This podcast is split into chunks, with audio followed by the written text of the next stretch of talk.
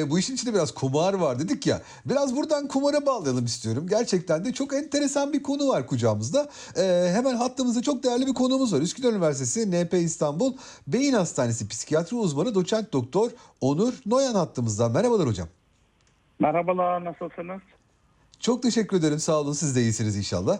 İyiyim ben de, çok teşekkürler. Hocam şimdi e, hani coinlerden de bahsederken bunların da böyle bir kumar tarafı falan var. O yüzden de ben size şeyi sorayım. Siz bu hafta çok güzel bir e, açıklama yaptınız. Online bahis e, üzerine e, çalışmalarınız var bildiğim kadarıyla. Ve bu online bahisin insanın beyninde yarattığı böyle e, bağımlılık şeyleri var. Yani hani nasıl sigara, alkol, işte uyuşturucu gibi neredeyse değil mi? E, bir e, bağımlılık tarafı var. Biraz bu konuyu detaylarını sizden alabilmek isterim izninizle. Tabii ki şimdi e, aslında benim oradaki en sonki e, açıklamamda online bahisse genel klasik bahis arasındaki farka bir atıfta bulunmuştum. Yani bu sefer biz canlı bahisi biraz ön plana çıkartınca sanki diğeri masummuş gibi bir algıda oluşmasın. Aman bu da çok değişik. Kesinlikle, kesinlikle. Kesinlikle. Yani Bunu yani vurgulamanız çok iyi oldu hocam. Biz böyle biraz hızlı konuşuyoruz tabii. Ee, o arada o kaynamasın. Doğru söylüyorsunuz. Şimdi biz şunu görmeye başladık. Son birkaç yıldır kumar bağımlılığıyla ilgili gerçekten çok büyük bir artış var. Hem bize başvurularda hem genel olarak sıkıntı yaşayan bireylerde ve bu pandemiyle birlikte öncesinde başlamıştı ama pandemiyle birlikte çok ciddi bir artış gösterdi. Peki kumar nedir? Bağımlılık yapan tarafı nedir? Ya ben hani birileri oynuyorum bu bağımlı mıdır nedir? Oradan yola çıkacak olursak aslında kumarın beyindeki ödül merkezini hızlı bir şekilde uyardığını söyleyebiliriz. Nedir bu hızlı uyarma? Bir şekilde kazanmak ya da kaybetmek arasındaki gidip gelmek. Bazen ucu ucuna kaybetmek, bazen ucu ucuna kıl payı kazanmak gibi e, heyecanlar beynin ödül merkezini uyarıyor. Aynı alkol gibi, madde gibi ya da sigara gibi. Ve bir Evet. süre sonra bu beynin ödül merkezini fazla uyarması bizi o davranışı biraz daha fazla yapar hale gelmemize sebep oluyor. E Burada Yani o ödül merkezinin bir doyum tarafı yok herhalde değil mi hocam? Aa 3 tane oynadım ödül merkezi çalıştı. Tamam artık ben buna doydum gibi bir şey yok herhalde değil mi? Sürekli Çok- daha çok fazla güzel, çok daha fazla gidiyor. Hiç doymuyor. Yedikçe genişleyen bir mide gibi düşünün yani. Hani yedikçe Oy. genişliyor, genişledikçe doymamaya başlıyor yani. Ve Evet. bir süre sonra artık kişinin normal hayatı sırasında yaptığı aktiviteler keyif vermemeye başlıyor. Akşam evinize gittiniz, işte bir film açtınız, seyrettiniz, birlikte sohbet ettiniz, meyve yediniz, bir şeyler içtiniz filan. Bunlar artık kişiye yeterli gelmemeye başlıyor. Ya ben akşam eve gitsem de şu maçı seyrederken bir de bahis yapsam demeye başlıyor. Hatta bir süre sonra sadece bahis yapmadan maçı seyretmek bile keyifli hale gelmemeye başlıyor. Oo anladım. Bazen Yani bu şeyleri kay- belki de sahip olduğu e, güzellikleri de kaybetmeye başlıyor yani bir şekilde. Aynen öyle çok güzel söylediniz. Bir süre sonra kişi elindeki e, ona yeten daha düşük ödül merkezini uyaran o aktivitelerden mahrum kalmaya başlıyor. Çünkü onların yanında daha büyük bir uyaran var, daha büyük haz veren bir e, aktivite var ona yöneliyor. Tabii oraya yöneldikçe bir süre sonra yetersiz kalıyor. Yani elde ettiği haz 10 birimse 9'a düşüyor, 8'e düşüyor ve o en tepeye ulaşmak için daha sık oynamaya başlıyor daha fazla risk alıyor, daha fazla para yatırıyor derken bir şekilde davranış pekişerek e, beyin sistemi alt üst oluyor bir süre sonra. Peki hocam konuşmamızın başına dönmek istiyorum. Şimdi hani filmlerde falan görürüz ya böyle işte poker masaları kuruluyor. işte abiler sabahlara kadar oynuyorlar falan. Buradan bir haz alıyor. Ama niçin canlı bahisten daha fazla haz alma durumu söz konusu? Bunu çok merak ediyorum. Ha, şimdi oraya doğru gelelim. Beyni evet bozuldu. Bir tanesinde şu var.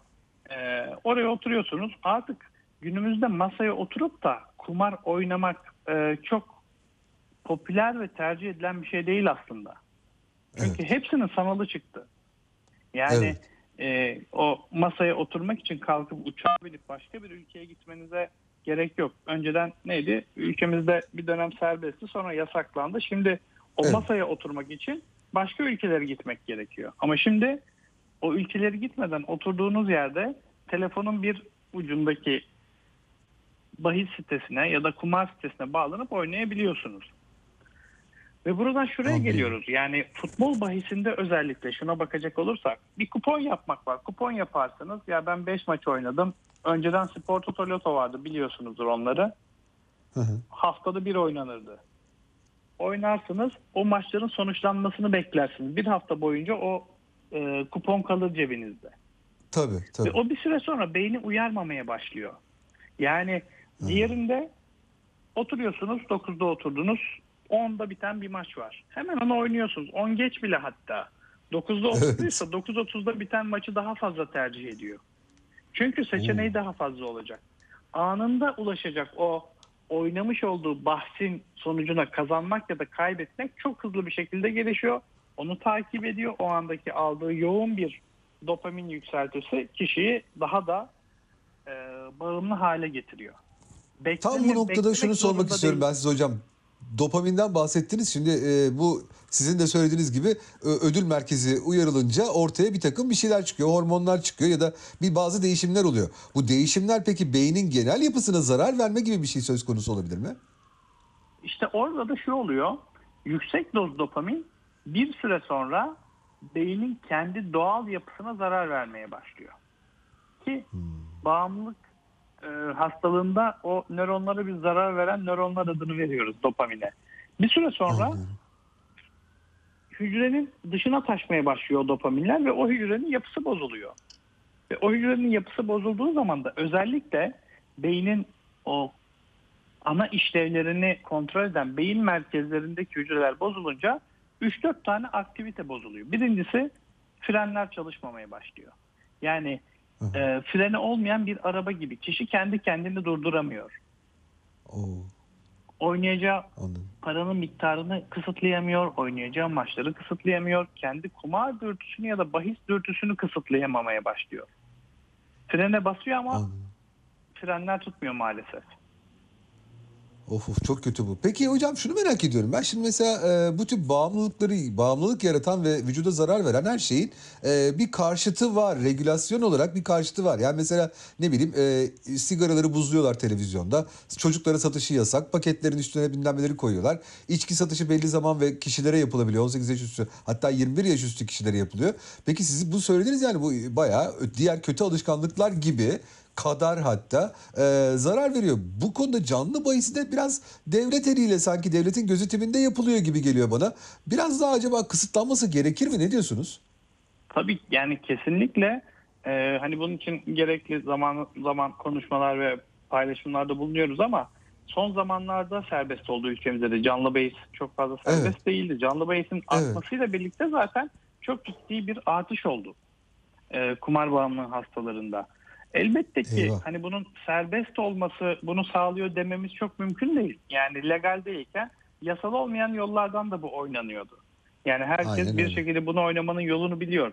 Biz hep şunun taraftarıyız. Evet yasaklar mutlaka olmalı. Engellemeler mutlaka olmalı. Bu e, pazar, kumar pazarı mutlaka kontrol edilmeli. Çünkü bize gelen vakalardan bildiğimiz üzere bütün ekonomik hayat, aile hayatı, sosyal hayatı bir şekilde kötüye gittikten sonra doktora geliyorlar. Ama bu önüne geçmek için elbette ki önlem olmalı ama bizim farkındalığı arttırmamız lazım. Kumarın bağımlılık yapıcı etkisiyle ilgili bir farkındalık oluşturmamız lazım. Bu maalesef çok e, az yaptığımız bir tarafı kumar bağımlılığına karşı Anladım. alacağımız önlemlerde. E Yani- Peki e, buyurun lütfen söyleyin.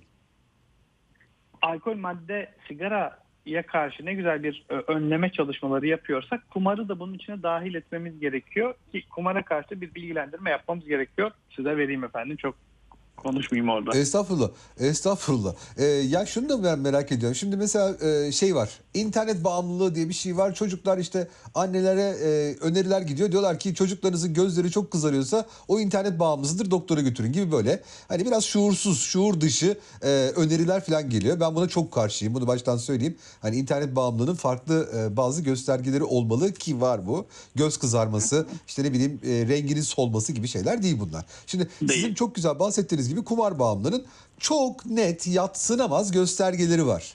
Hani e, bunları siz de söylediniz. Yani evet işte insanın para harcaması, kendini durduramaması, frenlerin artık tutmaması vesaire vesaire. Bunlar uzaktan 10 kilometre uzaktan bile gözlemlenebilir şeyler.